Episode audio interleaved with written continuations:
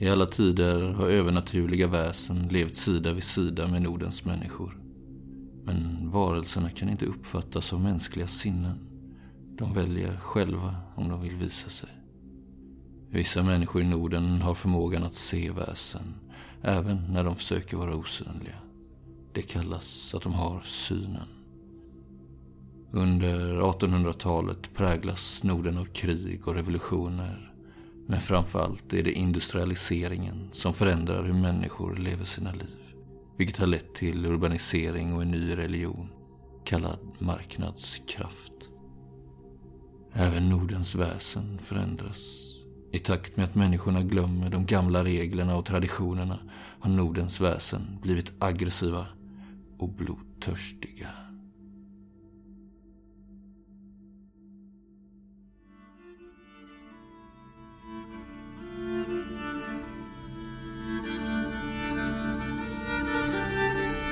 Året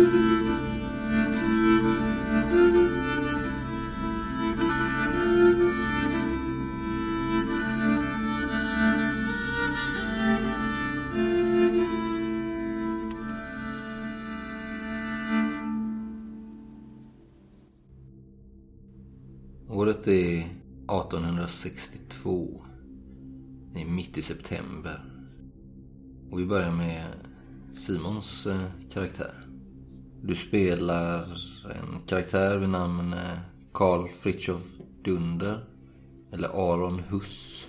Vilket namn är det du använder egentligen? Mm. Mitt eh, nuvarande namn är ju Karl Fritiof Dunder. Aron Huss är mitt födelsenamn men det har jag lämnat bakom mig. Och de jag känner, de flesta vet nog inte om något annat namn än Karl Fritiof Dunder. Tilltalsnamn Fritiof. Ja, och eh, du och de du känner, ni sitter just nu på eh, respektive vagnar som eh, gnisslar fram genom det nordsmåländska landskapet. Ni är på väg till höstmarknaden i Gamleby. Vad är det för sällskap du färdas med? Och det är min... Min familj kan man säga. En grupp på... Vad kan vi vara? 10-15 personer. Färdas på fem olika vagnar. Alltså så här stora trävagnar som man... Ja, vi bor i dem liksom. Det, är, det, är, det, är våra, det är våra hus. Som vi drar efter häst. Men så lite rundade med lite attiraljer på. Ja, och en del är ganska utsmyckade och målade i glada färger. Och det är inte en traditionell hästvagn liksom. Det är inte en, en droska. Utan det är ju Det är som en, en dåtidens husvagn kan man säga. Stora. De är säkert om en 5-6 meter långa liksom. Dras av två hästar. Eller mulor antagligen.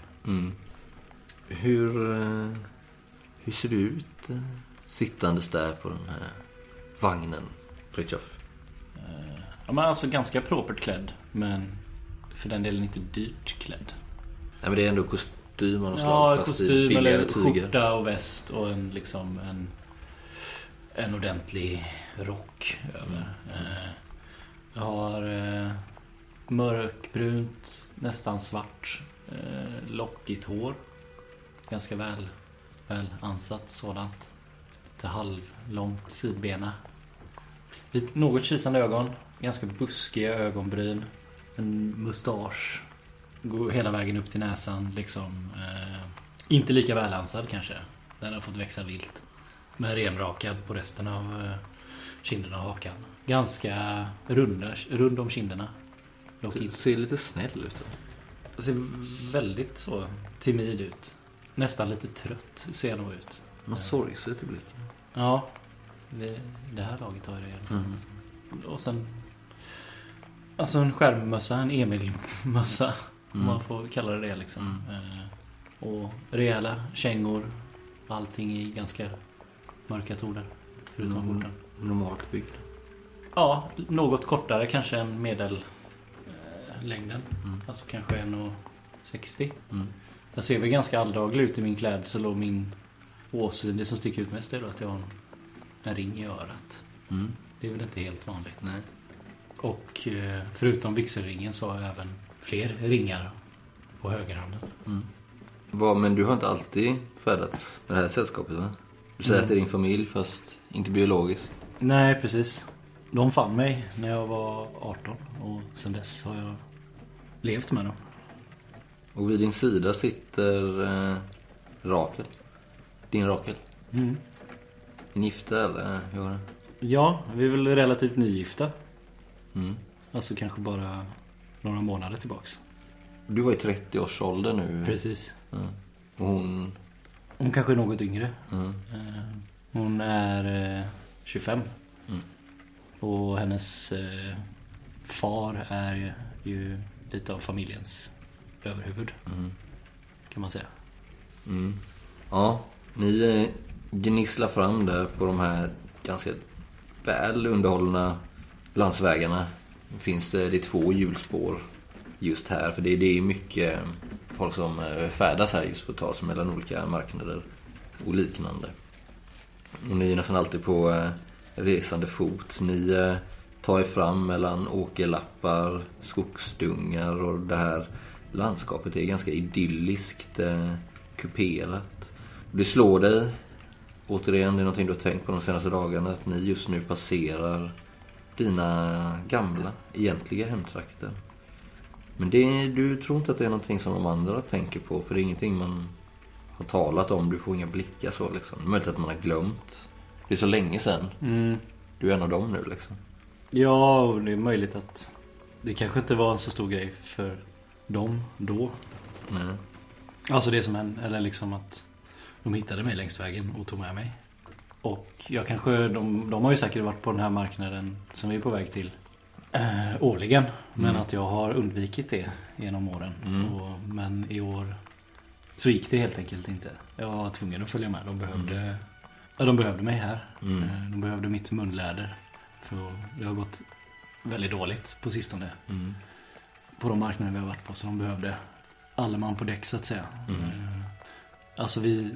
Jag tänker att vi säljer ja, men, läderhantverk och mm, allt möjligt på marknader. Mm. Och att mitt jobb inte är så mycket att stå och sälja utan snarare gå runt och ja, men, ragga in folk. Alltså en, någon form av eh, vad heter det? Rappare liksom. Mm. Jag tänker att det är dels det och sen så är det kanske också att du på senare år Du har ju eh, synen, eller hur? Mm. Som vi kan kalla det. Där du ofta, allt mer ofta de senare åren besöks av olika andar, Mm. energier, själar. Och jag vet inte vad du, vad du tycker om det, men det har ju i den här gruppen är det väl lite känt i alla fall. Mm. Och du har kunnat vara behjälplig både inom gruppen men även utanför när det kommer till att kommunicera med eh, de döda. Mm. Alltså hjälpa till att jämna ut obalanser i Energin. ja, energierna eller i samspelet mellan väsen och människa. Mm.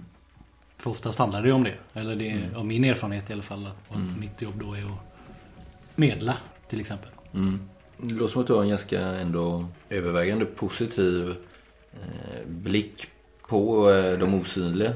Mm. Av de jag har träffat hittills. Mm. Med ett undantag.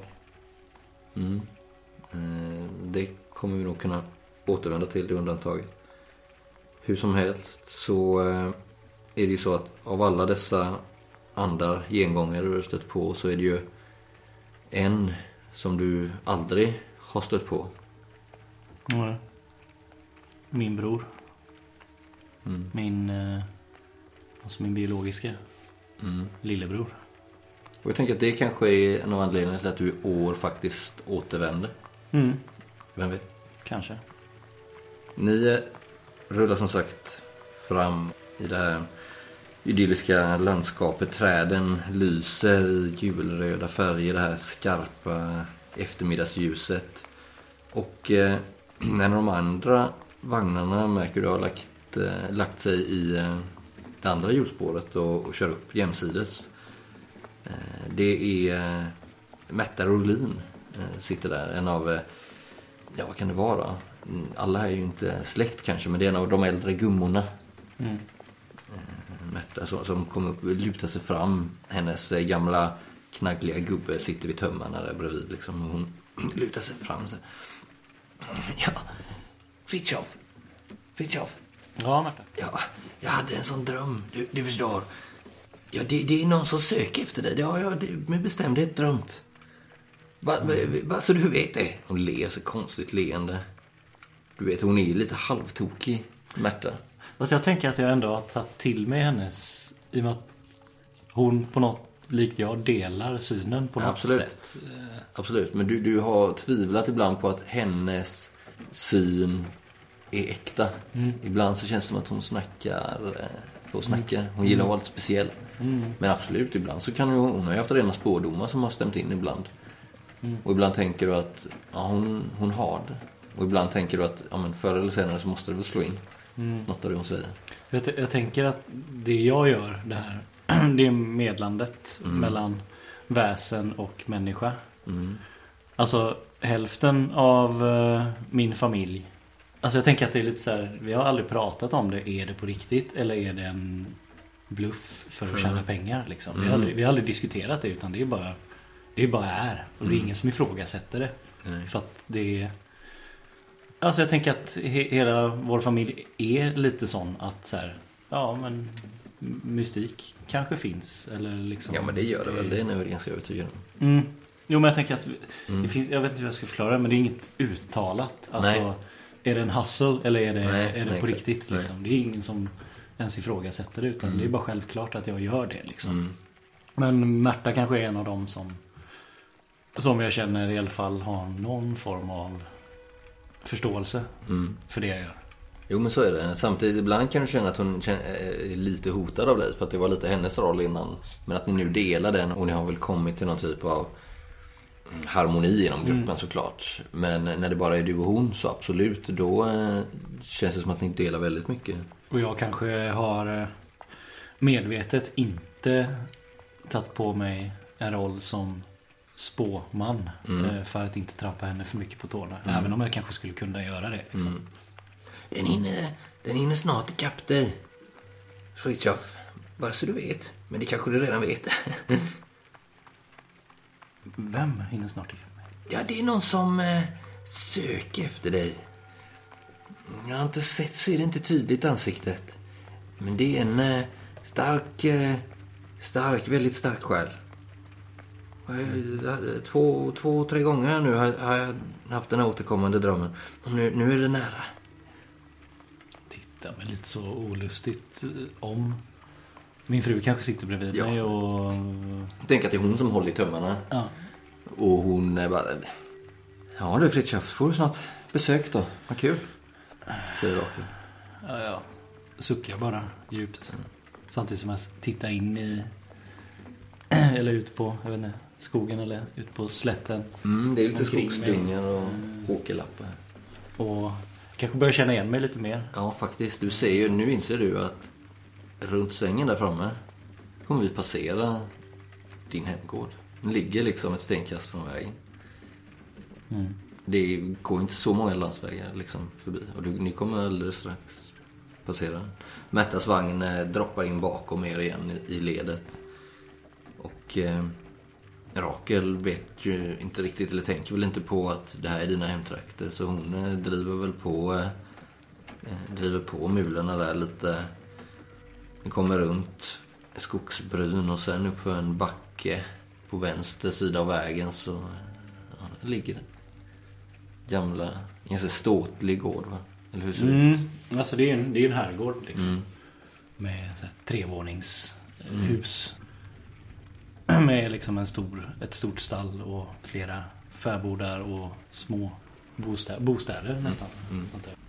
Ser det välbevarat ut? Jag gör ju faktiskt inte det.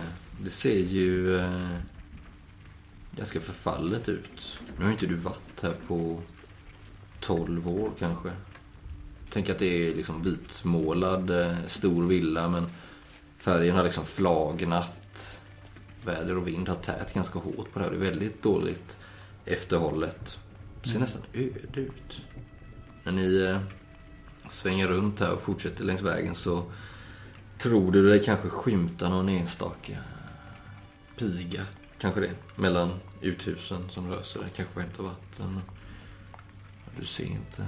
Det verkar vara gardinerna är fördragna och du ser inga tecken på ljus eller liv. De kanske är bortresta eller så har de flyttat men det tror du liksom inte. Nej, jag har ju inte tänkt så mycket på min mor och far efter, efter det som hände. Jag lämnade det bakom mig. Mm. Ganska snabbt. Nu är du tillbaka i alla fall.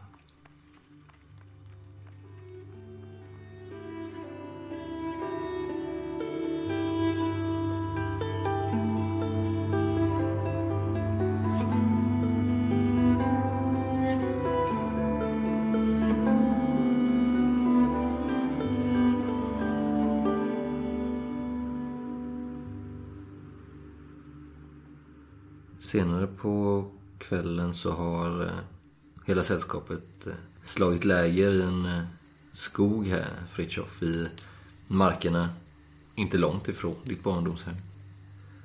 Och på, på träd, trädstammar och gästgårdar här så finns det välbekanta tecken inristade.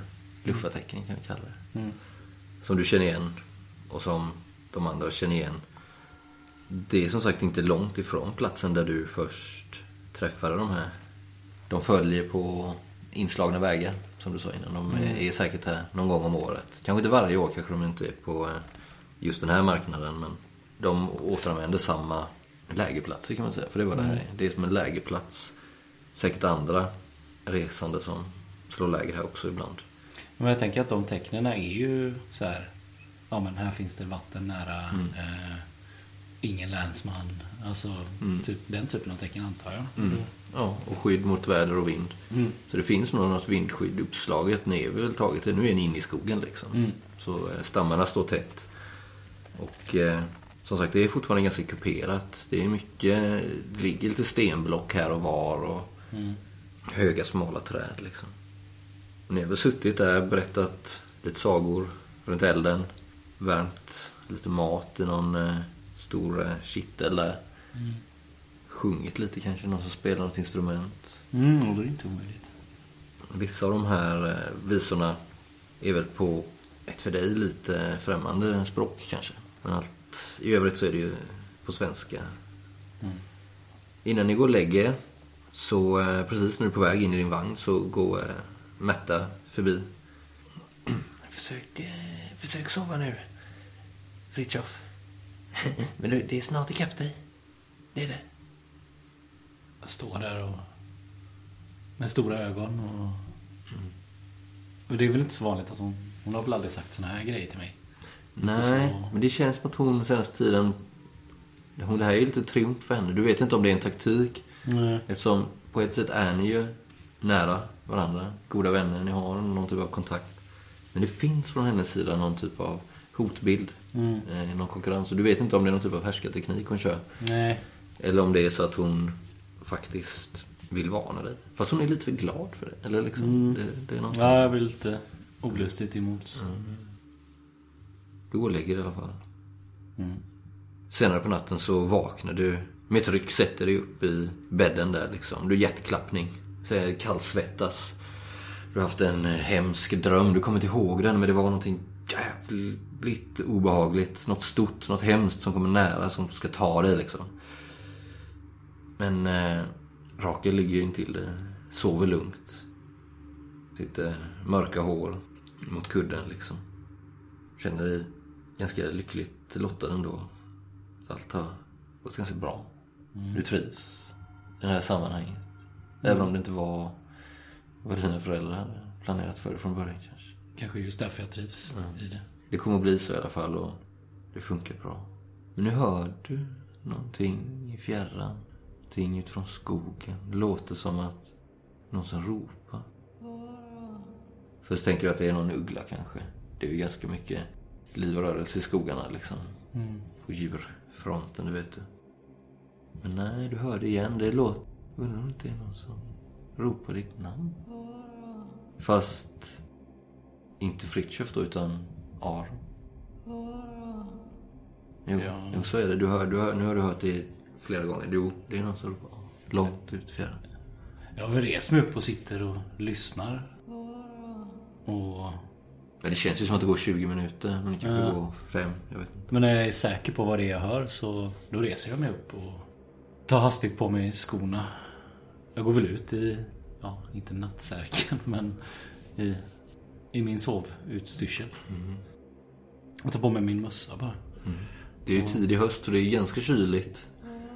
Kanske en 10 grader ute. Mm, jag tänker att jag inte reflekterar så mycket över det. Jag är nog lite distraherad av ljudet. Eller av ropandet. Så jag går försiktigt ur vagnen. Vill inte väcka Rakel. Eller någon annan för den delen. Stänger försiktigt vagnsdörren och börjar smyga in i skogen då. Du ser ju när du kommer ut i lägret hur det är ju övergivet. Det är bara lite glöd kvar. Det är nog mitt i natten. Klockan är nog tre. Däremot så ser du ju Ivar har ju han har ju somnat vid lägerelden som vanligt. Han är ju lite av Med en flaska i. Ja, exakt. Han är lite av gänget suput. Frågan är hur mycket hans lever tål mer liksom. Men hur som helst, han, han ligger där. Men det har jag undrat sen jag Först träff, träff, träffade dem. Så att, någon vänlig själ har dratt en filt över honom i alla fall. Liksom. Men han ligger där med flaskan som huvudkudde. Du kommer ut i skogen och det blir ju snart helt mörkt. Det är ju bara stjärnornas eh, bleka sken som ger visst ljus. Men i övrigt så är det ju kolsvart här ute. Hade du med dig någon ljushjälp? nej, det tror jag inte faktiskt. Jag tänkte nog inte så långt. Månen eh, ger väl viss vägledning så att det är halvmåne. Du ser den där uppe på det svarta valvet. Men du får ju leta dig fram mellan skuggorna liksom. Du följer det här ljudet. Du hör ropet med jämna mellanrum. Någon gång i minuten sådär. Och eh, nu hör du nog att du känner igen rösten. När du rör det här så är det också en dimma du liksom vandrar in i. Du ser det, det ganska abrupt verkar den starta. Ligger liksom i midjehöjd ungefär den här dimman. Eh, och sen upp. Stig upp mot trädtopparna liksom. Så går in i den och du kommer ut ganska snart i vad du inser är Alltså du står på botten av en djup ravin. Det är ju som sagt väldigt kuperat det här landskapet. Och höga träd vid, vid dess sida liksom. Så du står liksom på botten av en ravin bland stora stenblock och på sina håll är den här ravinen rätt brant ner. Du känner igen det. Du hör också att den här rösten det är det är Josef, din bror. Som gick bort för så sådär 12 år sedan. Är det väl nu då? Jag börjar gå framåt. Mot där jag vet att han låg. Den där dagen för 12 år sedan. Där du hittade honom? Mm. Du känner ju en kuslig närvaro här. Får lite rysningar liksom. Och nu känner du ju att nu är det ju inte 10 grader. Nu är det ju nu är det svinkallt. Det är kallt som på vintern. Det är ju nollgradigt här känner du. Du vet inte, det, det, det är någonting. Det, det är inte helt naturligt. Du har varit med om den typen av temperaturfall tidigare. I dina möten med olika väsen liksom. Jag går sakta framåt och darrandes på rösten så... Josef! Är det du? Du ser lite längre bort i ravinen bland ett gäng tätt stående träd så ser du nu ett blåaktigt sken, ett ljus som sakta blir starkare. Jag säger blåaktigt men det är vi- vitaktigt snarare, vit, vitblått liksom. Men som en varm eld. Ja, kan man väl säga. En typ av ljuskälla fast den är, det är ju inte, det är inte en eld. Nej, Det är ju något annat. Det, Jag vet inte om du har sett något så pass tydligt Nej, antagligen inte. innan. Du känner stark dragning till det här ljuset liksom. Någonstans vet du kanske att du borde låta bli men... Men jag kan nog inte hjälpa dig. Jag stannar nog upp. Eh, tittar mot det här ljusskenet och tar ett väldigt djupt andetag och stålsätter mig och börjar gå framåt. Precis så känner du en benig hand på din axel. Ja, Jag hoppar väl högt till. Kanske till och med skriker till lite. Och du, bakom dig, det är, någon, det är någon som står bakom dig liksom. Du ser en gammal gumma. Du har inte hört eller sett henne. Du undrar, är det hennes närvaro du har känt? Mm, Hon verkar, hon verkar inte vara en ande, en själ, eller själ, men hon, hon är ju en livslevande person. Liten, krum, tunn gumma.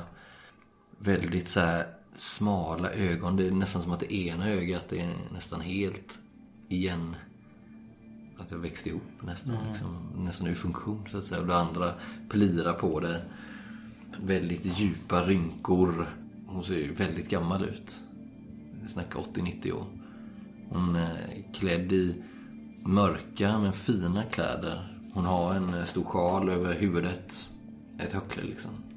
Bred kjol och jag menar ett sånt typ förkläde ser det ju ut som. Du jag menar. Men väldigt, väldigt fina tyger, men de, går, ju- de är väldigt mörka. Hon står och tit- tittar på det. Men håller fortfarande sin hand på det. Jag har helt uppspärrade ögon nu. Vem är ni? Tänk på vad du gör, Fritiof Dunder. Vad är det du ska gå? Tror att du kommer hitta det du söker här ute i skogen? Eller ska jag kalla dig Aron? Ja, jag vet. Jag, bara, jag stirrar nog bara på henne. Det är väl ingen som har kallat mig Aron Nej. på 12 år. Ja, förutom min bror nu då. Du som har synen känner ju en stark dragningskraft från den här kvinnan. Alltså ni delar någon typ av gåva. I brist på bättre ord, även om du kanske börjat förstå att det inte bara är en gåva. Någon typ av insikt. Mm. Eh, En kraft rent av kanske. I alla fall i hennes fall. Det är inte mig du ska vara rädd för, Fritiof. Titta bort mot det här blåa ljuset. Det är mycket riktigt din bror som väntar på dig där borta. Men risken är stor att du ångrar dig om du går honom till mötes denna mörka natt. Jag, jag måste ju... Jag måste ju... Jag står bara och stirrar på henne. Jag måste ju... Jag måste ju hjälpa honom. Komma vidare. Han är ju fast där.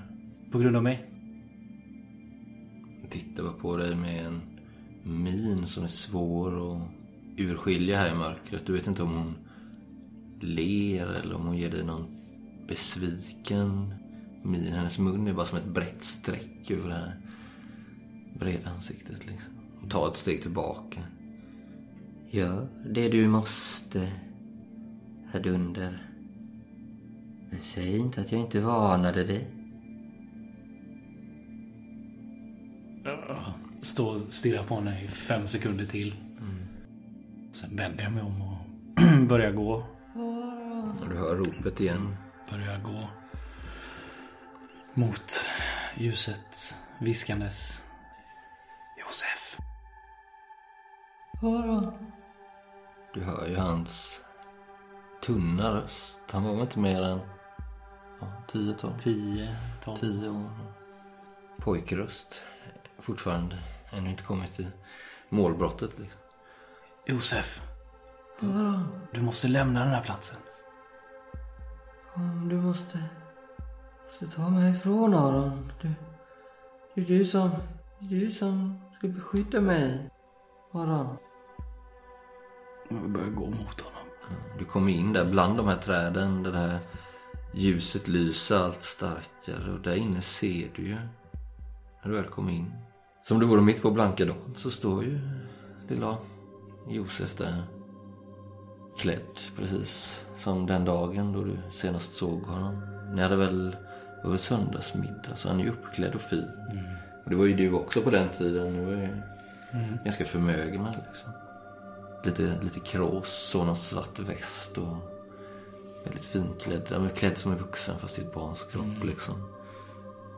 Fast han eh, är ja, men till hälften genomskinlig nästan. Liksom. Och han eh, blöder ju från ett stort sår i eh, sidan av pannan över tinningen där liksom. Han verkar ha slagit i någonting, ett stort sår, blöder ymnigt liksom. Och framförallt det som är allra mest obehagligt är att hans nacke verkar vara knäckt så huvudet står på sned i en onaturlig position. Liksom. Jag går ju sakta fram mot honom. Tårarna rinner ju längs kinderna. Jag förstår ju att det inte är han som... Det är han. Jo, men ja. Men jag förstår ju att han inte är den Josef som jag lämnade, kanske. Men jag går fram mot honom. Du, du har varit borta så länge. Du, du har ju... Jag har väntat på det här. Du skulle ju... Jag vet inte vad det var. Du gick iväg. Du lämnade mig. Aron. Med någon kvinna. Med någon... Men jag såg när ni gick att hon hade svans och ryggen var... Det var ett stort hål i ryggen. Varför lämnade du mig för henne? Mor och far sa ju att du skulle vakta mig. Att det var... De sa att du inte skulle gå ut i skogen med mig, men du gjorde det ändå. Och det var ditt fel, Aron. Det ditt fel att det blev så. Jag föll. Och du... Du var inte här. Hur nära är jag? Till det. Jag vill typ vara jättenära. Ja, du är jättenära. Armlängds avstånd. Jag står ju ja, precis framför honom. Och gråter som ett, som ett barn. Jag går ner på, på ett knä. Och försöker... Ta, jag tar min näsduk och försöker liksom torka bort blodet i hans panna. Men det kanske inte går, eller? Du når inte fram. Det är som att du kan inte ta på det. Det, det går liksom inte. Du bara glider vid sidan av känns det som. Mitt liv hade ju inte ens börjat. Ja, Aron. Jag, har inte, jag fick ju aldrig, inte ens en chans. Så det är ju ditt fel ju. Du, du, du, så du skulle ju vakta mig. Du sa ju det. Och att det allt, Du känner börjar bli arg liksom. Du känner du börjar vibrera i luften. Det känns inte alls bra det här. Jag försöker så här, ta fatt... Ja, jag vet inte, omfamna honom eller någonting men... Han Det är som du- försvinner hela tiden liksom. Det är som att du känner en stark elstöt eller kraft som bara knuffar dig bakåt i bröstet som gör att du trillar baklänges, hamnar på rygg nästan. Tappa andan. Och du ser liksom hur lilla Josef lyfter från marken och svävar ovanför dig. Du ser hur han ändrar form. Han får någonting djuriskt eller rent av demoniskt över sig när han nästan är på väg ner mot dig. Det är ditt fel! Hans röst blir helt förvrängd. så här. Jag visste inte bättre. det är ditt fel. Med gråten i halsen och liksom vredgad blick ser det som att han stöttar ner mot dig. Slå eh, mot skräck. Nej. Jag vill slå en T60.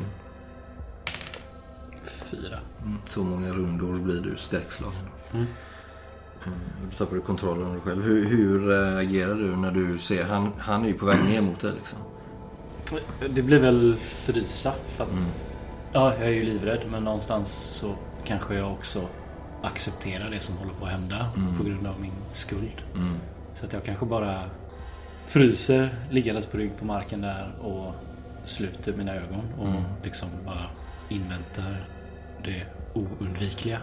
Att min, ja, min bror har efter 12 år kommit ifatt mig och konsekvenserna av mitt, mina val den där eftermiddagen för 12 år sedan har äntligen kommit fatt mig. Det flashar förbi jättefort, för det här händer väldigt fort. Som tur är så hör du, precis när detta sker, några ord på ett främmande språk du inte kan, men du tror kanske att det är latin. Och fram kommer den här eh, kvinnan som stod nyss. Hon håller något i sin hand, men du ser inte vad det är. Och precis när Josef är i färd med att dyka på dig, döda dig, suga musten ur dig, du vet inte vad han ska göra. Du är helt inkapabel att göra några rörelser. Det ser ut som att han stannar upp i sin rörelse, drar sakta tillbaka, hamnar stående igen framför dig vid dina fötter liksom. Känns som att han krymper, att han avvaktar, han ser väldigt förvånad ut, ser väldigt förvirrad ut. Blåser lite i träden här runt omkring. Det blir väldigt tyst.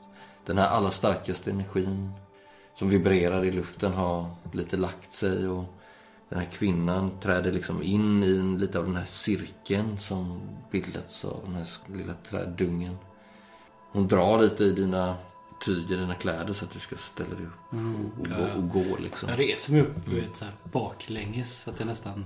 Jag kryper på rygg bakåt och reser mig upp samtidigt. Du hör att hon rabblar någonting som är en ramsa och du vet inte vad det är för språk. Om det, du lät som latin först men nu låter det snarare som någon typ av gammelsvenska liksom. Vi kan blanda lite så. Sen så vänder hon sig om och du, du ser liksom det här ljuset sakta avtar. Men du känner att energin finns kvar. Du tror inte hon har betvingat Josefs ande liksom. Den är fortfarande där. Men för nu så har den värsta skräcken lagt sig. Herr Dunder.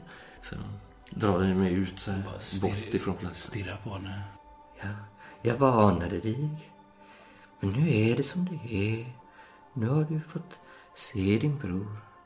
Han är inte längre i livet men det, det krävs mer än ett förlåt från din sida. Men det kanske får bli en annan gång. Hon försöker leda dig bort från den här platsen. Kanske tillbaka, känns som att ni är på väg tillbaka mot läger. Efter att du har samlat dig lite så här så börjar hon tala med dig. Ja, mitt, mitt namn är Oleana. Du vet inte vem jag är men Oleana Elfeklint är mitt namn och jag är eller var medlem i ett sällskap. Eh, vi hade vår hemvist i Uppsala. Nu reser jag mycket runt och jag har hört talas om dig. Om att du kan se de osynliga. Ja, sällskapet jag tillhör eh, brukar kallas för Sällskapet för studium av de osynliga och värnande av mänskligheten. Så du förstår varför du var av intresse för mig. Hon tittar hela tiden på dig när ni går eh, mellan träden som att hon borde kanske kolla framåt så hon inte går in i något träd här i mörkret. Men det verkar inte vara något bekymmer för henne just nu. Liksom. Ja. Var... Var det där verkligen min... Min bror? Ja, det var hans ande. Men han var ju så arg. Det är väl inte så konstigt efter vad som hände. Jag hörde vad han sa. Jag har aldrig, stött på så arga andar. Du, eh, du har synen, herr Dunder. Men ännu inte alla insikter om de väsen som finns här i det kalla Norden. Det du däremot har insett det är att dessa väsen inte alltid är av ondo. Det tror jag hade gjort dig till en lämplig medlem av mitt sällskap. Ja, om det nu var så att det fortfarande fanns ett sådant. Jag är i alla fall i stort behov av nya medlemmar. Jag går i tankarna på att återupprätta vårt sällskap. Jag är som sagt den enda kvarvarande medlemmen. Ja, det är så att olika väsen är av olika natur på samma sätt som vi människor är. Det finns de som är goda, det finns de som är onda. Det finns de som är varken eller. De vet inte alltid själva vad de vill. Men Kan du... Kan du lära mig att... Att förkasta väsen likt min bror till ett bättre öde än det de lämnats till? Ja, jag är glad att du frågar, ty jag vill inget hellre. Du ser ett litet leende glittra till i ansiktet på henne. Och nu ser du igen eh, den svaga glöden av lägerelden. Men jag tror att jag bör lämna dig för den här gången, Unga dunders. Men jag hoppas att våra vägar ska mötas igen. Jag kan kalla på dig i framtiden. Jag håller till i Uppsala och min dröm är att kunna återupprätta sällskapet igen, ty väsen är inte längre sig lika. Det finns en större fientlighet än vad det gjorde förr. Och det är av stor vikt att vi människor gör vårt för att återupprätta den goda kontakten. Ibland är det inte möjligt och då må det vara så. Men då måste vi kunna hjälpa dem ta sig vidare. Ja, det är en av många uppgifter som sällskapet har här under. Men jag tror att du har nog en ljus framtid om du vänder dig till sällskapet. Och jag väntar på dig med värme. Men det är viktigt att du lägger dina gamla spöken, säger hon med viss tvekan, bakom dig innan du är redo. Jag lovar att kalla på dig när din tid är inne. Och jag lovar att dyka upp den dagen du, du behöver mig. Fru Elfeklint. Något säger mig att det inte kommer att dröja allt för länge. Farväl då för den här gången, herr Dunder. Jag nickar bara åt henne.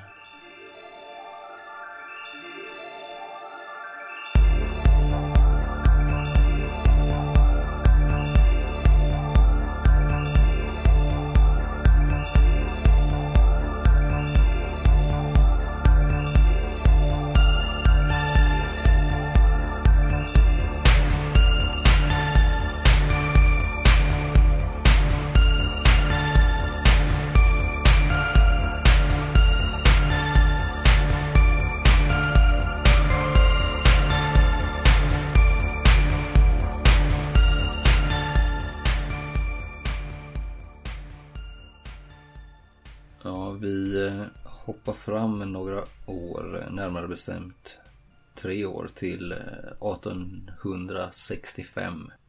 Vi är eh, maj månad och vi befinner oss i eh, Österunda församling. Eh, Och Martin, du Ja. spelar eh, Samuel Brandell. Inte sant? Ja, det stämmer. Eh, Samuel Brandell är en eh, präst som är 31 år gammal. Han eh, är inte härifrån ursprungligen då, utan han är från eh, Härnösand uppe i Ångermanland. Där han är uppväxt och eh, började sina bibelstudier där. För att sen vid 16 års ålder flytta ner till Uppsala då för att utbilda sig till en präst. Mm. Och Österunda ligger några timmar med droska väster om Uppsala. Ja, precis. Tre timmar kanske, något sånt där. Mm. När vi börjar så tänker jag att eh, du sitter på din eh, kammare i ditt hem. Skriver kanske på eh, morgondagens predikan. Ja, det gör jag. Eh, morgondagens predikan blir väl lite speciell också då för att det är en eh, medlem i min församling som har avlidit. Mm. Eh, så det, det kommer vara en vanlig predikan från början och sen kommer vi ha en liten eh, minnesstund då. Mm. Kan man säga efteråt. Så att eh, det tar väl sin lilla tid där att försöka skriva ihop någonting som passar. Mm. Det är inte alltid man hittar rätt ord så att ibland så har jag väl vissa böcker då som jag tar inspiration från. Vissa diktböcker bland annat och, och, och visdomsord Mm. Hur ser du ut förresten där du sitter och skriver? Samuel han, han är eh, för tiden eh, normal längd så han är väl en, en 1,75 kanske. Lite lätt övervikt men eh, ser absolut inte liksom tjock ut.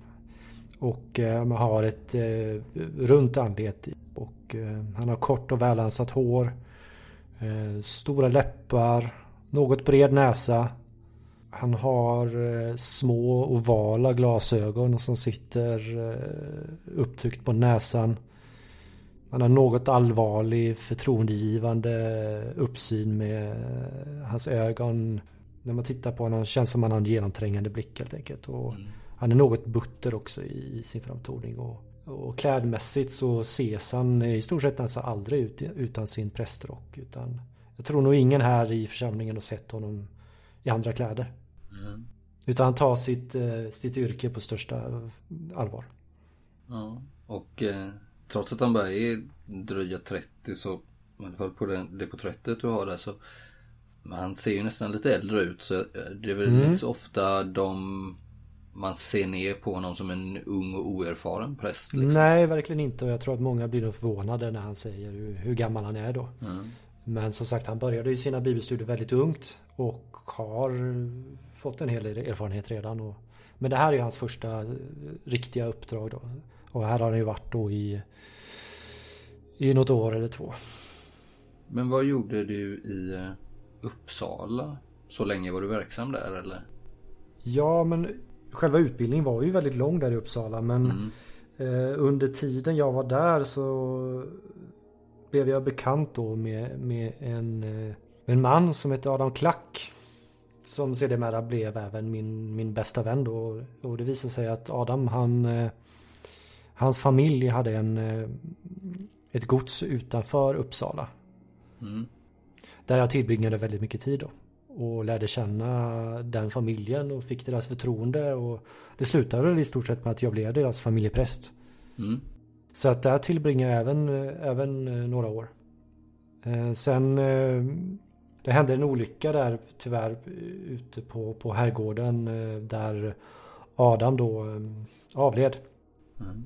Det var en incident där utanför eh, vid gårdens brunn helt enkelt. Han föll ner Nej, och eh, bröt nacken. nej. Och efter det så gled jag tyvärr ifrån familjen. Mm. Ja, det var en tra- tragedi som påverkade mig väldigt djupt. Mm. Men eh, inte långt därefter så, så fick jag det här uppdraget då. Mm. Och nu har du varit här, vad sa du, hur länge? Ja men det är väl eh, nästan två år. Ja. Du har ju lärt känna befolkningen ganska fort. Och det är väl en eh, liten men trogen och ganska ålderstigen liten flock du har. Ja det, ja, det är det verkligen. Eh, Det, det, det är en väldigt liten församling för, för att vara här i Uppsala stift. Då, så att, eh, och som du säger, det är en ålderdomlig församling. Så det här är inte den första eh, minnesstunden vi har haft sedan jag kom hit. Kan jag säga det. Så att, eh, mm. Du sitter där och... eh, hur, bor, bor du stort här eller det, hur ser ditt arbetsrum ut? Så det här är ju ingen förmögen församling på några sätt. Eh, Det är ingen präktig prästgård så. Det är det inte. Givetvis så är den, den Den är större än de flesta husen här ute. Men den har en kammare, den har eh, ett eh, vardagsrum där jag kan sitta och läsa, den har ett kök. Den har även en, en liten vindsvåning. Men mycket mer än så är det inte. Du har inga speglar i ditt hus va? Nej, jag har konstigt nog inga speglar. Jag har sedan ett tag tillbaks känt mig väldigt obekväm med speglar. Mm. Och känner inte heller något behov av det rent själsligt. Mm. In, försöker jag inbilla mig själv i alla fall. Ja precis. Man vill inte vara fåfäng. Det är en, en synd. Exakt. Däremot så har du ju, jag tänker att ditt skrivbord kanske står i närheten av ett fönster. Mm tänker mig att det är ganska stora glasfönster. Det är inte alla som har glasfönster men det är det här i prästgården och sitter där och blickar ut genom fönstret. Söker efter de rätta orden och jag tänker mig att det är i kvällningen. Så du ser inte ut över det här åkerlandskapet som omger trakterna här. I norr så är det ju skogigt men det är mest åkerlappar som omger det här samhället där du bor och fan, du ser så plötsligt liksom med det här något ojämna fönstret så plötsligt så uppenbarar sig siluetten av en ko. Som en reflektion liksom. Som att det skulle stått en ko i rummet då liksom. Som en spegelbild av en ko. Jävligt obehaglig. Den är liksom helt svart. Utmärglad. Med så här knotiga revben som står ut. Över den hårt spända huden. Så här urlakat juver, tomma hål istället för ögon. I den här suddiga reflektionen så tycker du det ändå se hur kon liksom dryper av svärta. Alltså svärta som av olja nästan. Som dryper från mule, horn, juver, svans. Mm. Det tar nog några sekunder innan jag kopplar här vad som händer. För jag sitter djupt försunken i en, i en diktbok som jag sitter och läser i. Och först så tror jag att nästan titta eh, av ren reflex åt andra hållet. För jag tror att det kanske står en, en ko på eh, andra sidan av huset där det också är ett fönster då, som vetter utåt. Men, eh, men när jag inte ser någonting där så rycker jag nog till och genast så blir jag väldigt kallsvettig. Mm. Och känner att jag ryser till hela kroppen för att det här är uppenbarelsen som jag ser nu, även fast jag inte sett just det här förut. På något sätt så känner jag igen fenomenet. Och eh, grabbar snabbt tag i min eh, ett silverkors som jag har en kedja runt halsen. Mm. Och trycker upp mot, mot hakan. Och stelnar till och tittar. Mm. Ja, den verkar... reflektionen verkar ju vara borta igen och det står ju ingen ko varken utanför eller innanför fönsterglaset. Däremot så hör du plötsligt eh, ivriga knackningar på din ytterdörr. Mm.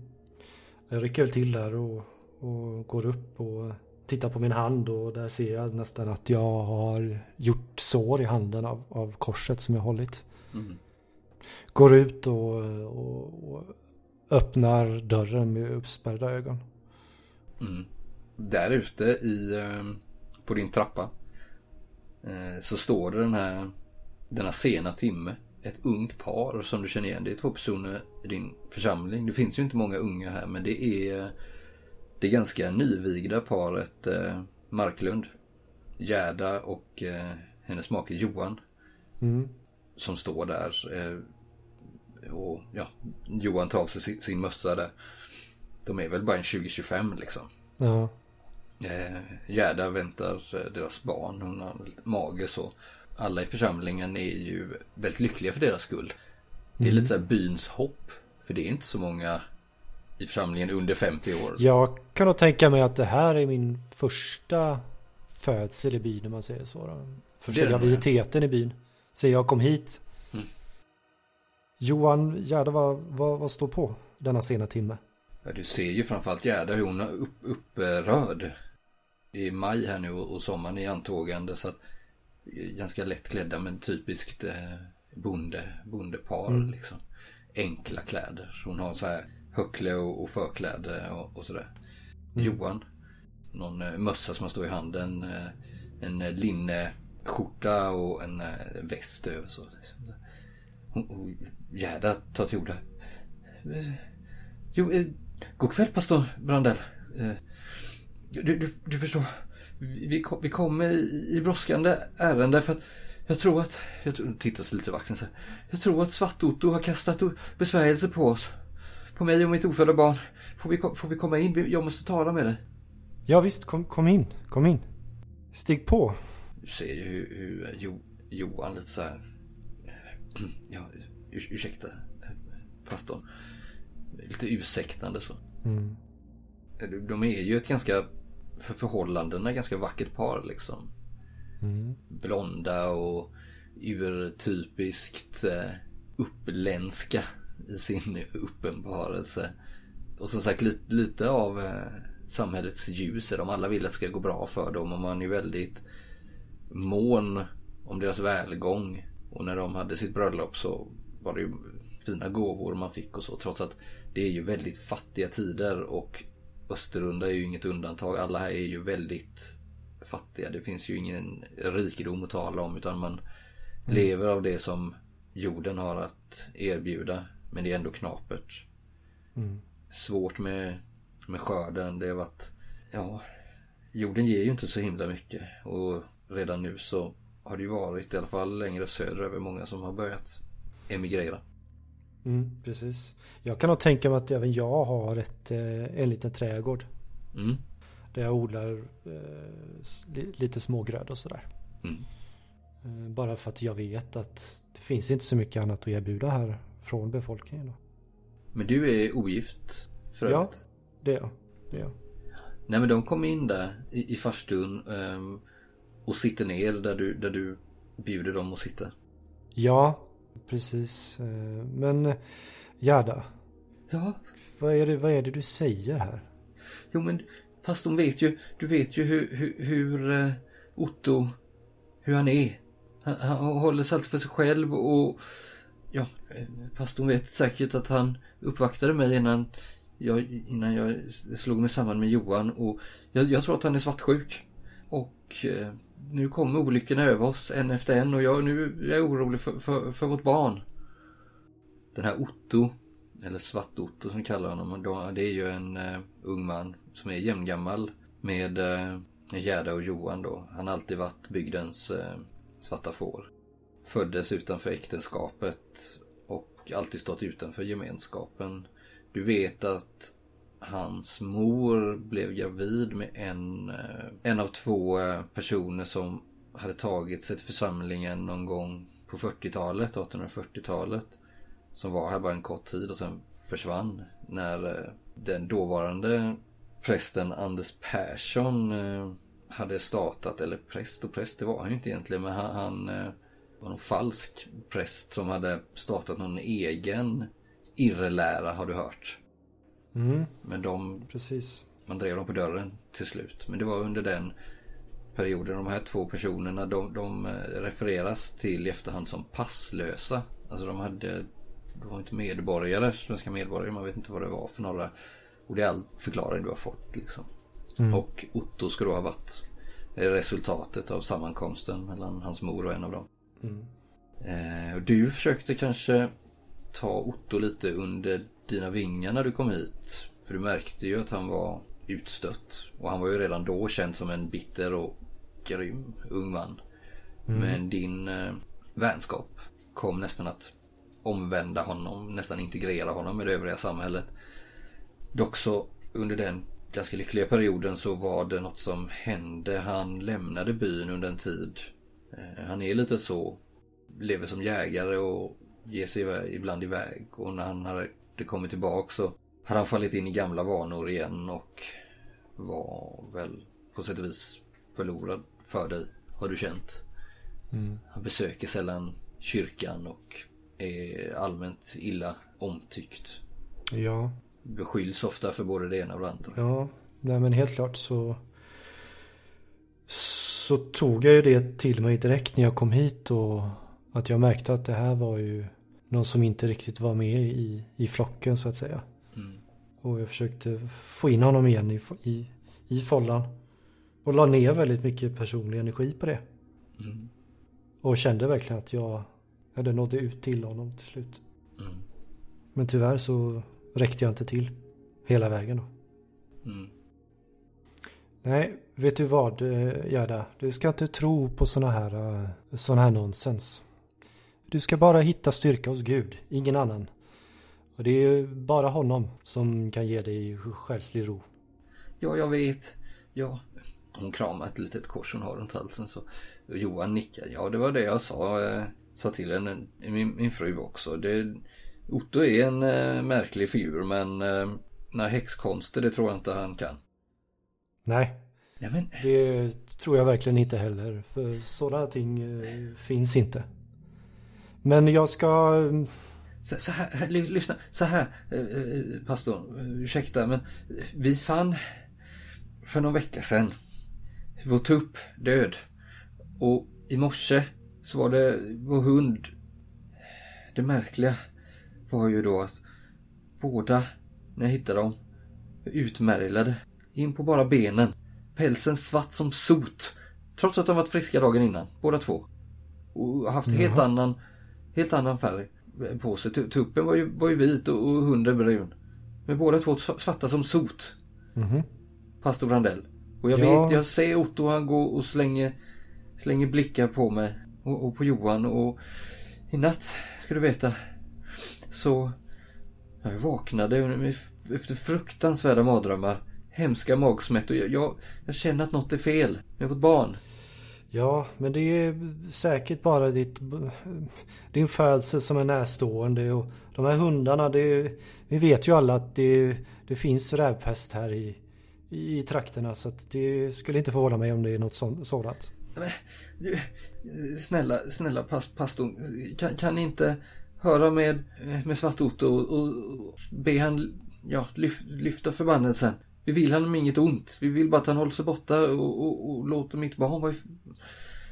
Ja. Eh, Nåväl, Gerda. Jag ska... Jag, jag ska prata med honom direkt imorgon bitti. För, för, din, för din skull och, och Johans. Så eh, ska jag ska prata med honom. Och så ska vi ställa det, detta till rätta. Jag, jag, jag tror att det är dags att, att, att föda när som helst. Du ser hennes mage är ju enorm liksom. Stor och svällande. När som helst så, så, så är det dags. Så jag, ja, jag är jätteorolig. Ja, det, det, kommer, det, kommer, det kommer gå bra. Jag ska, jag ska be för er ikväll. Och barnet. Och tack vill du det. Ja, eh, tack då pastorn, säger Johan. Ja, ni är alltid välkomna hit om ni vill prata. Ja, det, det känns bra för mig och min fru att veta att vi har dig som va- vakar över oss här. Ja, Gud, Gud vare med er. Han låter ju lite brådmogen här Johan. Han är ju inte mer än 22-23 år liksom. Men, och du vet ju att han var en riktig busunge eh, f- förr om åren liksom. Mm. Men nu försöker fylla någon roll som... Eh, han gillar nog att vara lite byns ljus här liksom. Samtidigt Ja. så är ju folk lite oroliga att de ska ge sig av härifrån. Liksom. Man vill ju ha en föryngring i byn liksom. Och ställer stort hopp till de här. Mm. Ja, de lämnar dig där den här kvällen. Ja. I maj. Jag har nog det jag, det jag såg innan i baktankarna hela tiden. Så jag är lite lättad av att de har gått här faktiskt. Jag sätter mig ner där i köket och funderar. Vad det var jag såg egentligen. Mm. Och kanske minns tillbaks eh, till eh, familjen Klacks herrgård där. Och det var väl där det började för dig med det här med att se saker i blanka ytor. Ja, familjen Klack hade ju en viss förkärlek för speglar i sin herrgård. Mm. I varje rum fanns det speglar och, och många också. Jag minns att jag ibland kunde se saker i speglarna som jag inte riktigt kunde förklara. Mm.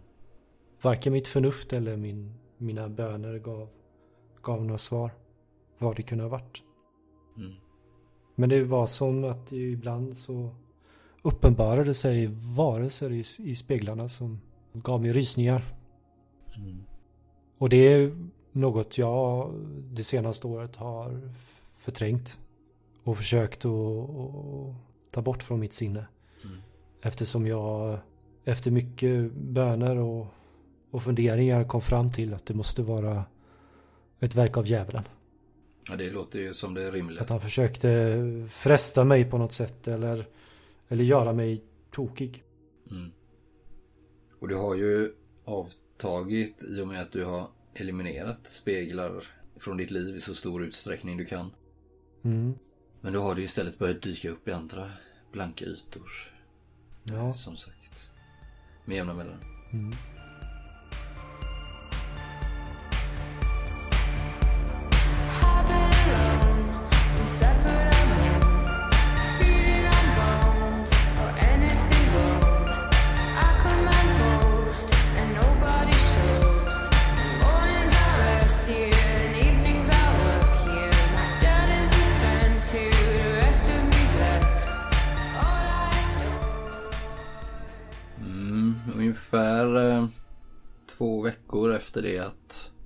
Paret eh, Marklund hade, gjorde sitt besök hos dig Samuel. Så är du nu eh, på väg hem till eh, Svartotto. Eftersom eh, Gerda återigen har varit hos dig och beklagat sig. Mm. Det kanske var häromdagen.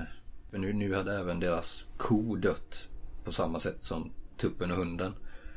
Och det är ju en stor sak alltså att förlora en ko. Det var, de är ju jätteberoende av sin ko. Eh, man är ju så fattiga nu liksom. Så det är en väldigt stor sak. Och andra underliga, oförklarliga ting har skett. Väggarna i eh, färghuset hos Gerd och Johan hade blivit svarta. Och eh, hon har fortsatt haft fruktansvärda mardrömmar varje natt. Och så sagt motvilligt nästan men av nödvändighet och under strikt tystnadsplikt att hon också blöder eh, vad hon påstår vara svart blod från, från underlivet. Mm. Hon är säker på att någon har förbannat henne och hennes barn. Ja. Och du vet ju att hon eh, ska ju föda någon gång den här månaden liksom. Mm. Okej.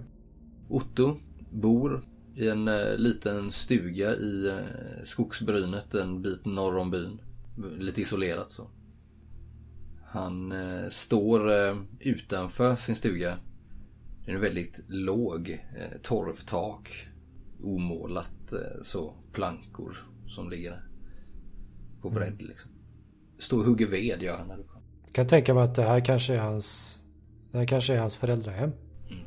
Som han har låtit förfalla bara. I stort sett.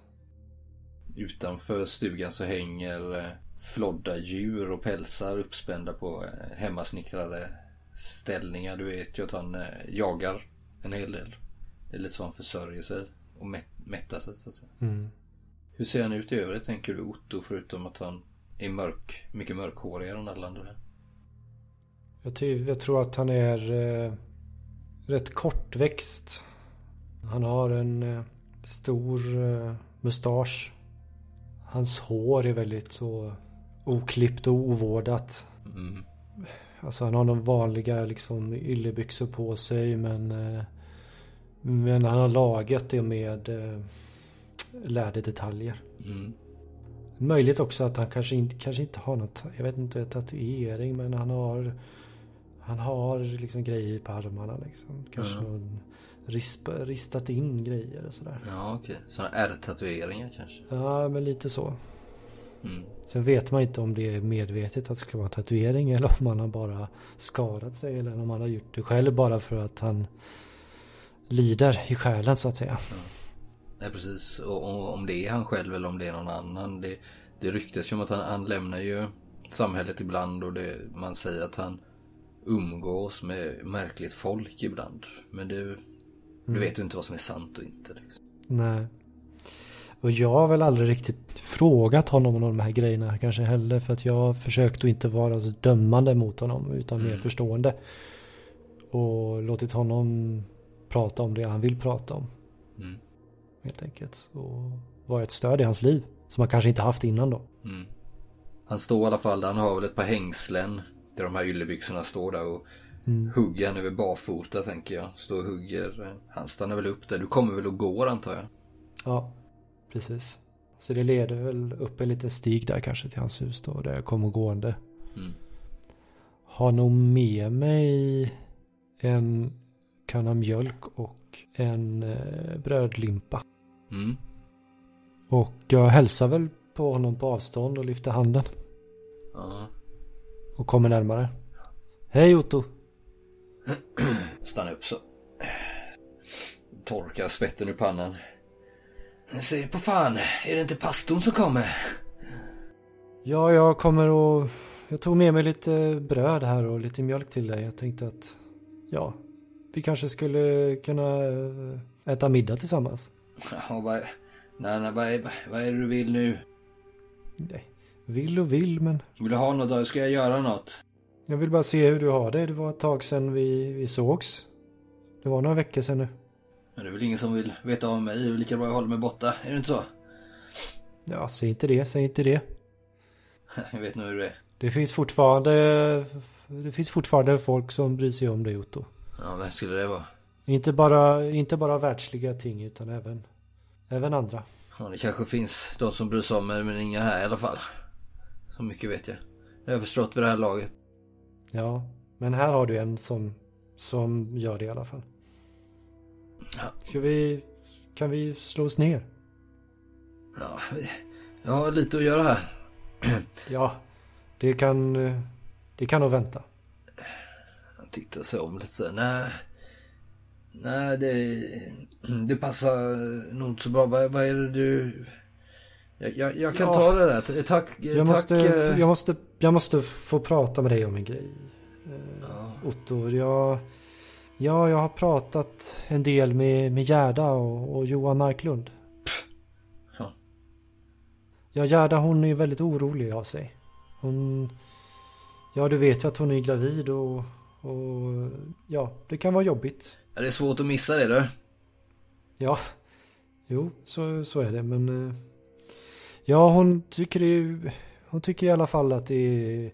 Att det är lite obehagligt att du... eh, Spänner blicken i dig. Ja, att du kanske...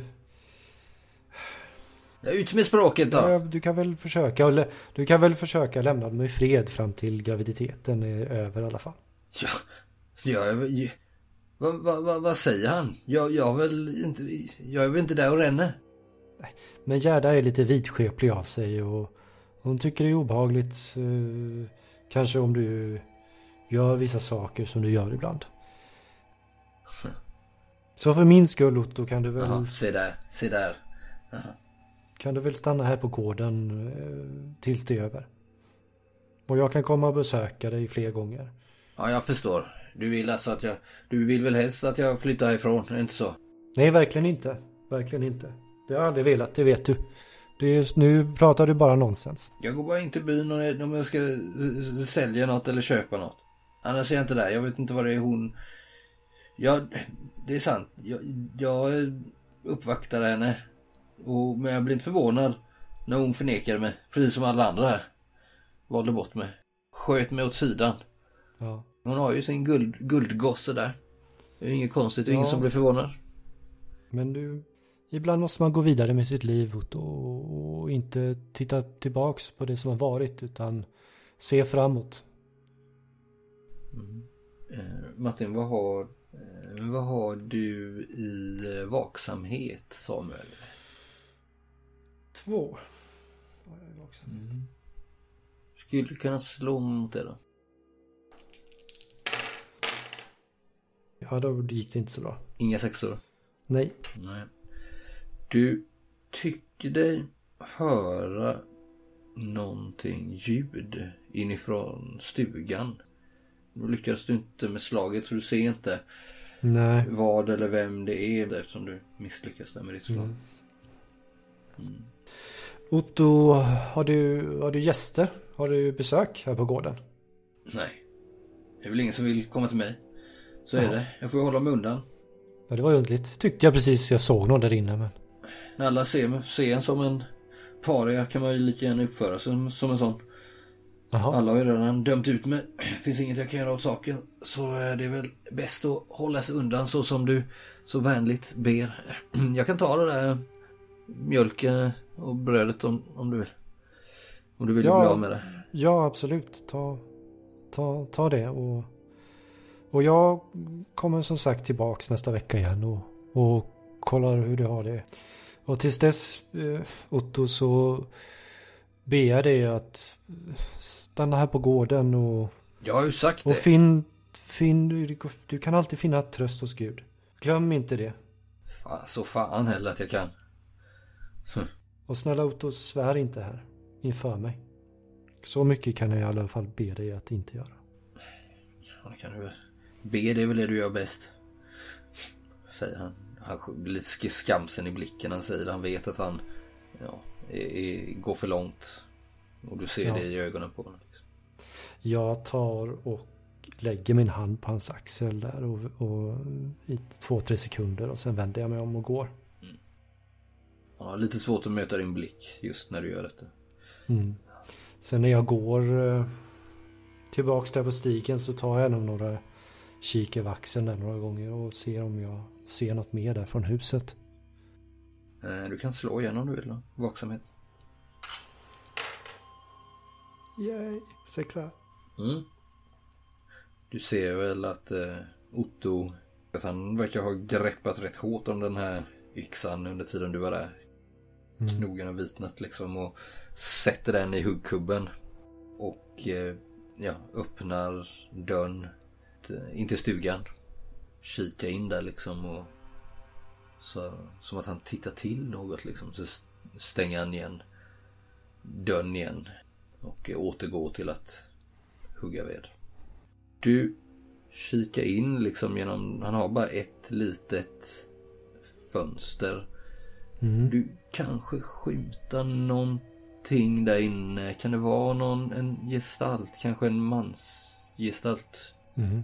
Det verkar vara ganska högrest, kanske långhårig, men mer ing- inget annat som du ser Nej. nu. Liksom. Nej, okej. I'm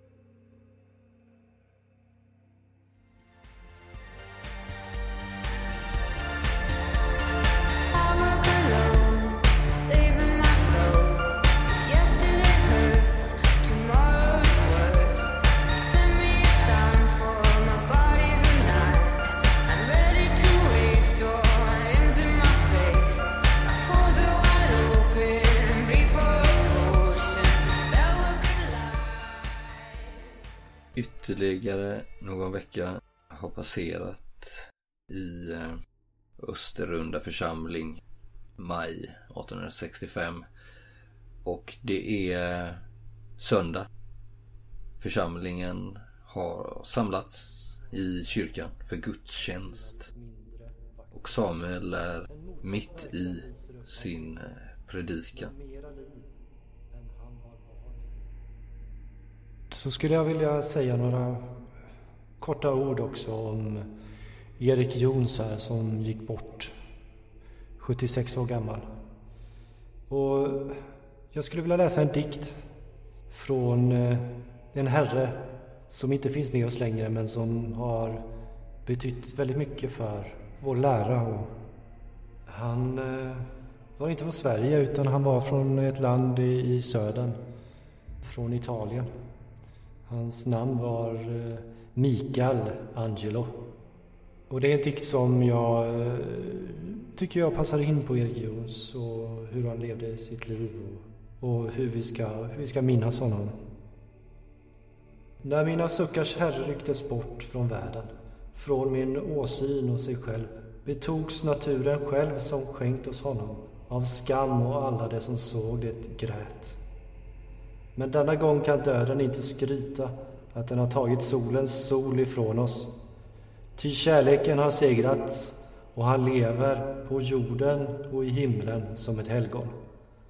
Den orättvisa ondskefulla döden ville begrava minnet av hans dygder och få hans själ att synas mindre vacker. En motsatt verkan lyser upp hans rykte med mera liv än han var van i livet. Ja, först som död har han fått en del i himlen. Amen. Och nu vill jag att vi reser oss upp och alla sjunger från psalm 100. Precis när du håller på där så slås dörrarna upp in till kyrkan. Det är en väldigt liten eh, vitrappad kyrka. Och in kommer en liten krokig gumma som du aldrig har sett. Hon tillhör inte församlingen. Hon ser väldigt gammal ut. Klädd i eh, svart huckle. Vid kjol. Sånt förkläde du vet.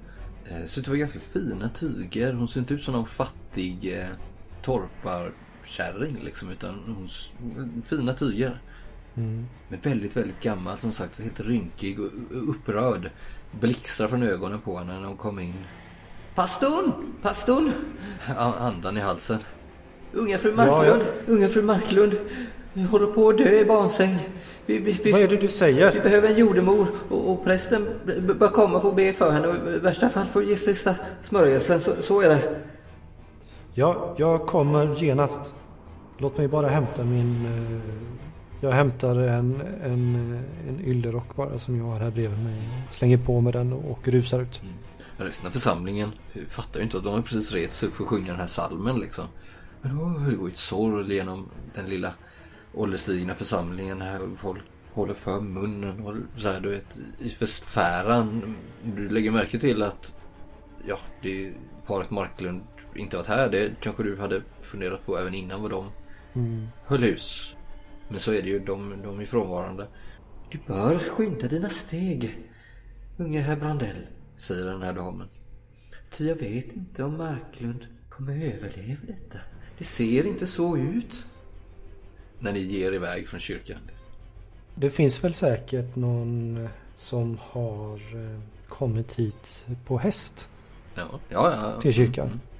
Så att jag ropar bort till dem och ber dem köra mig helt enkelt. För de har väl säkert någon Ja. vagn då. Utan de rider väl inte på hästen utan de har säkert en vagn. Ja. Gamla fru eh, Gundersson kommer med. Mm. Hon brukar kunna hjälpa till som jordemor, alltså barnmorska liksom. Mm.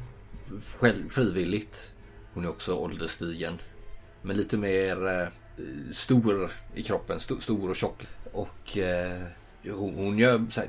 Ja, pa- pastorn om du kan göra plats för mig med så ska vi nog se till att det här ska nog gå bra. Det, det tror jag nog. Klappade på knät så här. Ja, jag hjälper upp henne där på vagnen. Ja, de, eh, församlingen följer ju ut kyrkan och står där och vinkar sina lyckönskningar när ni beger er iväg. Se så, du skyndar på nu. Håll inte tillbaks. Tja, tja! Det är någon dräng där som eh, driver, driver på ekipaget. Den här äldre damen. Jag kan ni tänka er, jag passerade just förbi er by när jag såg unga fru Marklund eh, ligga på, på gårdsplan och, och jag stötte dit för att ge henne en hand. Och, och det, det visade sig snart att hon var redo att föda. Så jag assisterade henne i den mån jag kan. Jag är inte helt oäven. Men men vi behöver nog hjälp av en sann jordemor och, och, och, och pastorn själv. Ha- Alla böner vi, vi kan få. Det var ren tur att jag var här. Mm. Du kan slå genomskåda. Det är någonting som vibrerar i det här när du talar med den här gumman. Små pliriga ögon. Det ena ögat nästan så att hon knappt kan öppna det liksom. Så det verkar det som. Jag fick fyra sexor. Fyra sexor. Ja. Ja, det är ju mer än ett perfekt slag liksom. Och du känner att den här lilla gumman, hon talar inte riktigt sanning här nu. Det är någonting, Samuel. Du har ju, du har ju en förmåga, du har en syn. Du ser, du hör saker som andra inte hör och ser. Du känner stämningar, energier kan vi kalla det. Som alla andra inte gör. Mm. Och när du talar med den här gumman så inser du att hon delar din syn. Fast kanske i ännu högre utsträckning. Mm. Och hon var inte där av en slump. Du känner absolut ingen illvilja ifrån henne. Snarare tvärtom. Hon vill verkligen hjälpa. Hon är angelägen om det här unga paret. Men du känner också en stark dragning mot din egna person ifrån henne. Okej, hon känner också att jag har det också då, eller? Det verkar som att det kanske är därför hon är här. Ja, ah, okej. Lite den känslan får du. du. Du får någon typ av blixtnedslag av insikt här. Du vet inte vad det kommer Har jag känt den här känslan innan någon gång hos någon? S- Troligtvis inte så här stark. Nej. Inte hos någon annan individ. Du har väl alltid tänkt, antar jag, att din gåva kommer från Gud. Ja, jag har nog trott till och med att det är Gud som talar till mig eller Ja. genom mig på något sätt. Och nu tror du väl också att det är Gud som avslöjar för dig allt det jag berättar om den här gumman. Det känns nästan som en välsignande insikt. Tror jag, känner jag till och med att det är någon slags uppenbarelse det här. Att Ja. hon är eh, sänd av Gud. Att hon kanske till och med är en ängel i förklädnad. Nästintill. Kanske inte en ängel, kanske en helt vanlig människa av kött och blod. Men hon är med största sannolikhet sänd av Gud. Absolut. Jag sitter väl här och sneglar på henne hela, hela resan och, Mm. och, och rättar på ryggen och ser till att jag ser så proper ut som möjligt. Du får också känslan av att hon kanske har fattat att du har fattat.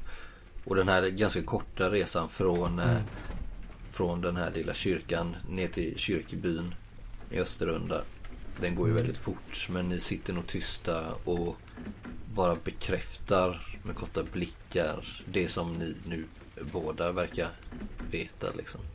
Att ni har någonting djupt gemensamt ihop här.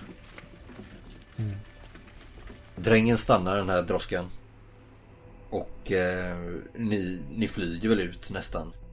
De har ett ganska litet hus. Det är ett hus i alla fall. Det är inget, eh, det är ingen stuga liksom. Det är- Det är ett hus.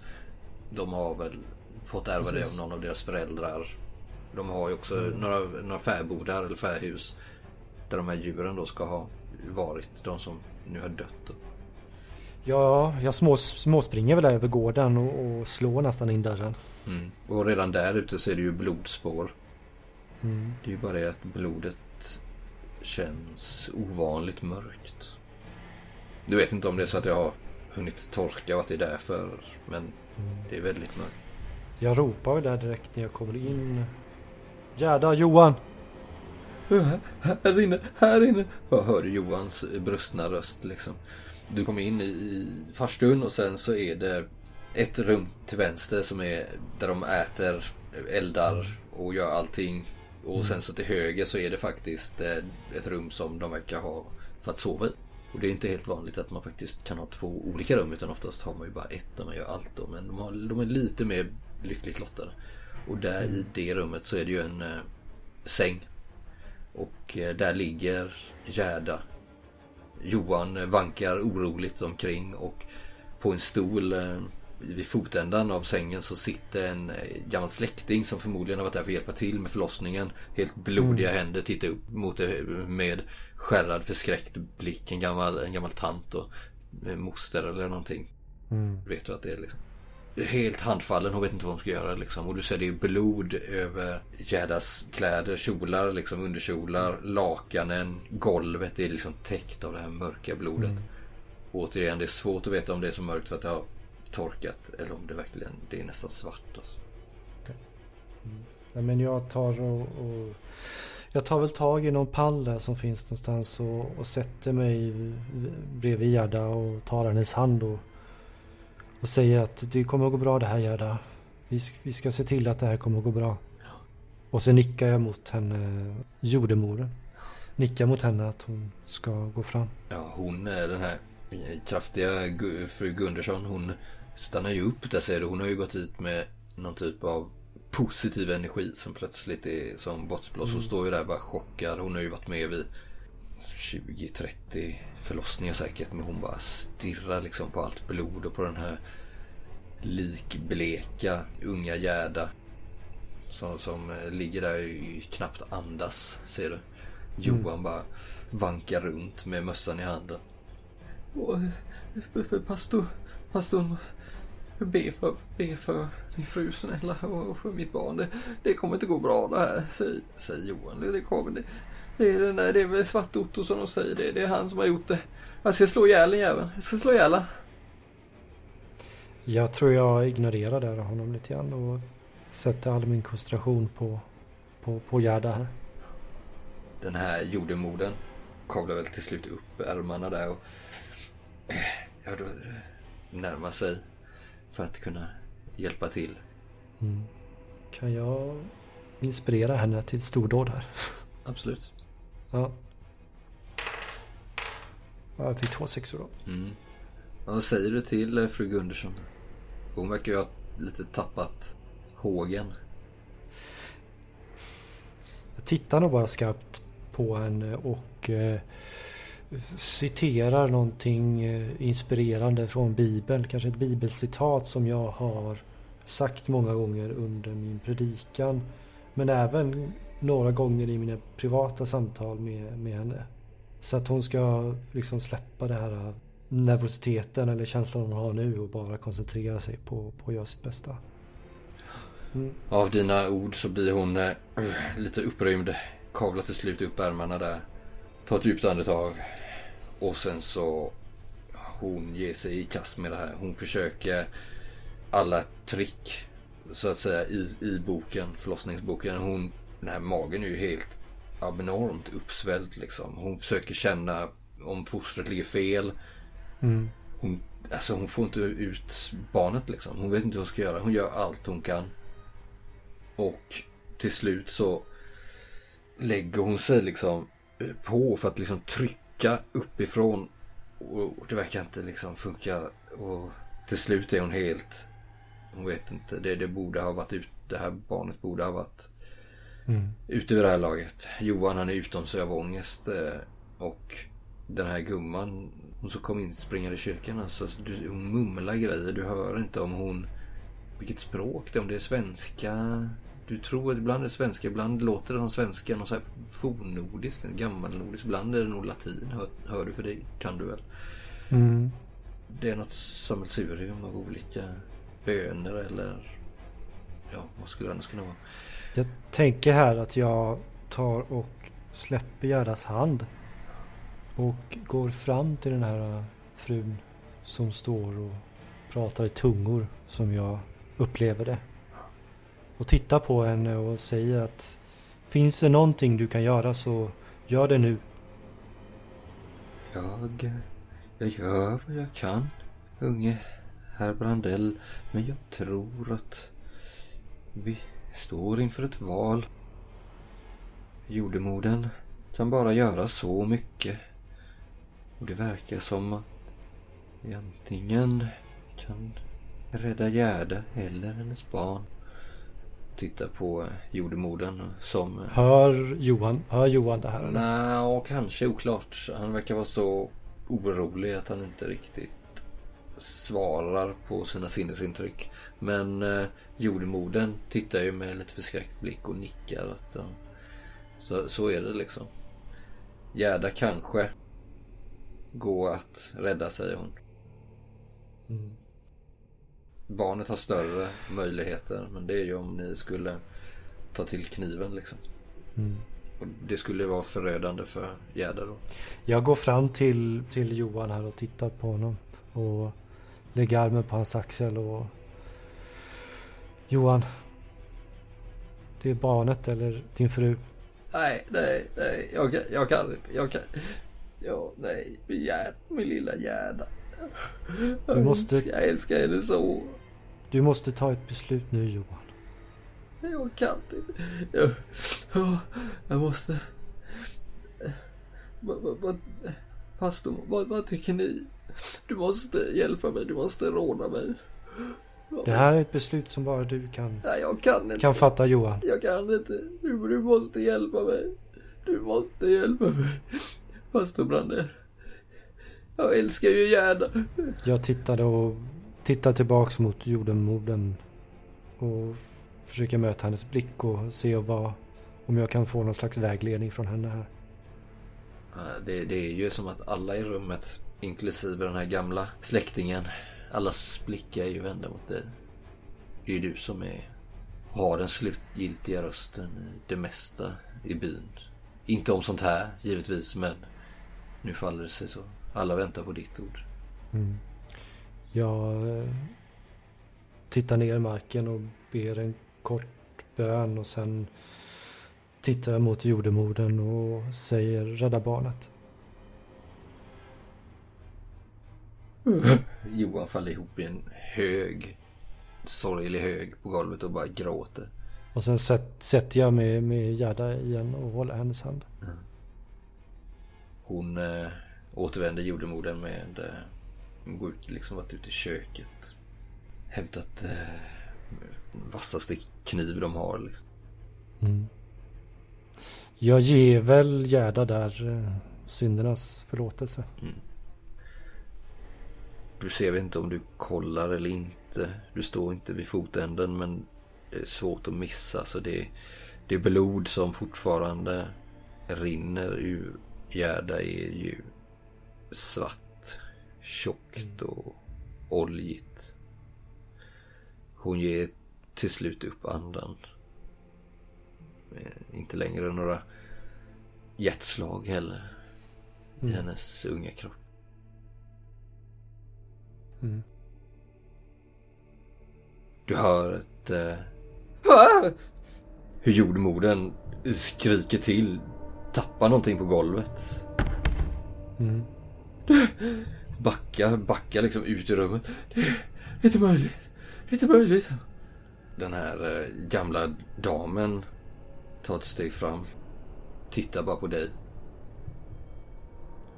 Ta ut fadern ur rummet. Vad är det, vad är det med mitt barn? Säger hon. Låt mig hålla mitt barn. Mm.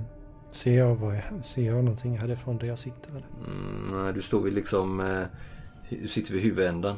Johan är beredd att gå fram liksom. Mm. Håll fadern borta. Hon försöker ställa sig i vägen.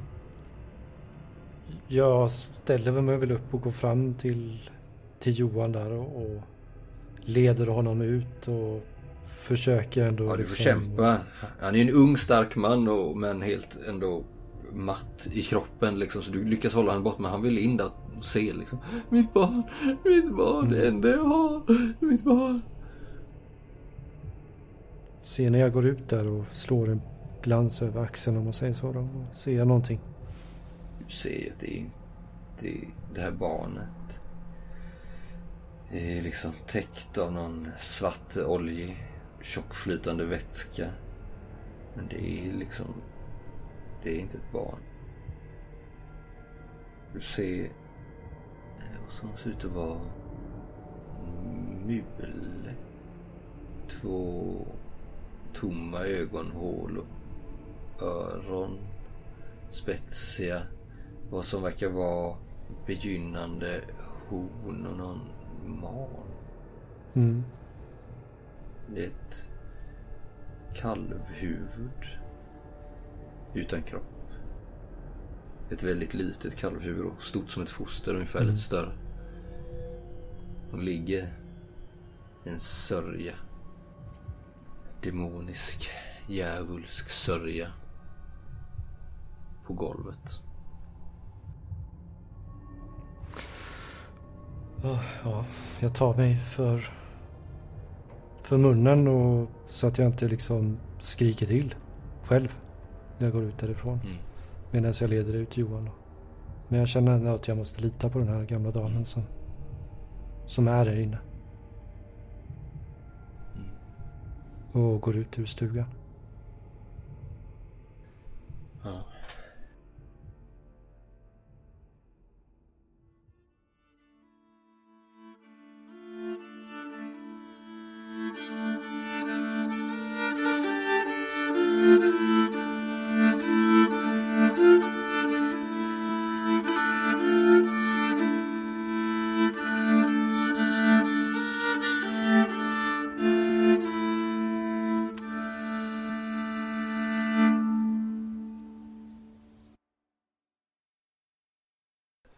Senare på eh, kvällen den här söndagen så sitter du eh, på prästgården med eh, den här gamla gumman som kom inspringande i kyrkan. Mm. Hon har presenterat sig som Oliana. Mhm. Hon berättar att hon eh, kom från eh, Uppsala. Och att hon tillhör ett sällskap som heter Sällskapet för studium av de osynliga och värnande av mänskligheten. Mhm. Jag har förstått efter att ha märkliga sätt korsat dina vägar, unge herr Brandell, att vi delar synen. Ja, det är så jag kallar det. Du ser sådant som inte andra ser, inte sant? Jag tänker mig att jag sitter, vi sitter här kanske i... Sitter nog i köket och jag sitter Mm. vid eh, köksbordet med händerna i, i en BD-position och bara stirrar ner i... Stirrar ner i bordet här och det tar nog en 10-15 sekunder efter hon har sagt det här innan jag tittar upp. Och tittar på henne och nickar bara. Och ger henne en blick som att jag håller med och jag förstår verkligen vad hon menar hon säger det. Ja, det... Så har det alltid varit. Men det har blivit eh, värre om man kan säga så på senare år. Ja, det är svårt att förklara. Men jag känner ändå att ni är någon som förstår vad som händer med mig. Jag förstår mer än du kan ana. Och som tur är, är ni inte ensam i era kval. Jag, eh, jag ska resa igen. Men jag, eh, jag lovar att eh, hjälpa dig. Jag har lång erfarenhet. Och jag vet att ni går med Gud, såklart. Men det finns ting, varelser, väsen i vår värld som inte omnämns i er bibel. Och som, ja, jag skulle kunna lära er mer om när tillfälle ges, unge herr Brandell. Jag förstår att ni har en del att ta itu med här i byn. Men i framtiden så hoppas jag att våra vägar möts igen. Sällskapet är öppet för alla och din kraft och din visdom och rättrådighet, moral hade varit ett nyttigt tillskott. Ni förstår, jag är nämligen den sista medlemmen och jag ämnar Ja, jag, jag har förhoppningar om att kanske återupprätta sällskapet innan jag lämnar detta jordeliv för att vandra över på andra sidan. Eh, hade ni varit intresserade av det? Om det skulle falla sig så? Jag tror att när hon säger det här så känner jag först att det här är ju hädelse verkligen det hon, Mm. det hon spottar fram. Och först mår jag nog illa och, och känner mig även skamsen att jag har hittills lyssnat på henne och, och även att hon Mhm. fick följa med där till Marklunds. Men efter ett tag så börjar ändå lockelsen av att förstå mer ta över. Och jag känner en viss dragning till den här kvinnan. Ja. På ett sätt. Och inte- återigen, du känner, du känner liksom inget, ingen ondska. Det finns inget eh, djävulskt Nej exakt, henne. precis. Snarare Guds ljus. Precis. Och det är väl Och det är väl när den känslan kommer tillbaks också jag känner att jag Att jag vill veta mer. Så att jag nickar väl än, än en gång mot henne. Men säger ingenting. Imorgon ska vi hjälpa det unga paret Marklund att gå vidare ifrån denna katastrof och ni kommer bli oerhört viktig för dem. Ja, Gerda är ju tyvärr död men Johan är kvar och Gerdas själ har väl kanske ännu inte vandrat vidare. Men det är ju sånt. Det är väl sånt du gör antar jag. Därefter ska jag återvända till Uppsala. Men jag kommer, jag kommer kalla på dig när, när tiden är inne. Pastor Brandell. Jag hoppas att du kommer att svara mig då. Ja, det... Det kommer jag att göra. Eh, Men vänligen... Vänligen gå nu och, och lämna våran by. Vi behöver tid för att läka. Och våra vägar kommer att mötas igen, det är jag övertygad om. Farväl, unge herr Brandell. Jag ställer mig nog där i, eh, i ingången till huset. Eller mm, strax utanför och, Mm. och tittar på när hon försvinner. Står nog kvar där säkert i 10-15 minuter och bara stirrar.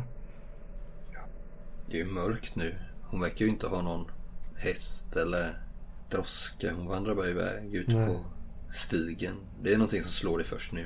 Mm. Du kan ju följa henne Mm. Bort till kröken där liksom. Men sen är det ju för mörkt. Ni har ju inga gaslyktor eller liknande gatubelysning här liksom. Nej, precis. Efter en 400 meter så är hon ju borta i mörkret. Liksom. Ja, och när hon väl har försvunnit där i mörkret så... Sen när jag går in i huset igen så... Går jag till alla fönster och drar för gardinerna. Mhm.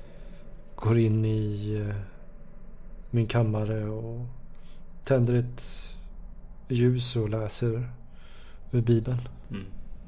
För att lugna mig. Och hitta någon slags mening.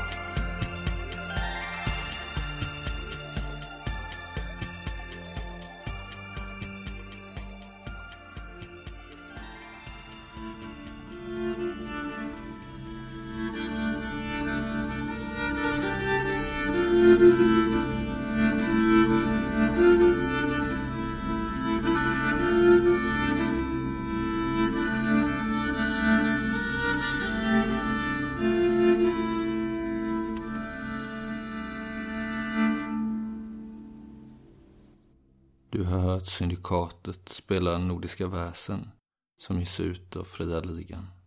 Mysteriet Sången om den fallande stjärnan är skrivet av Kikku Puck Härenstam.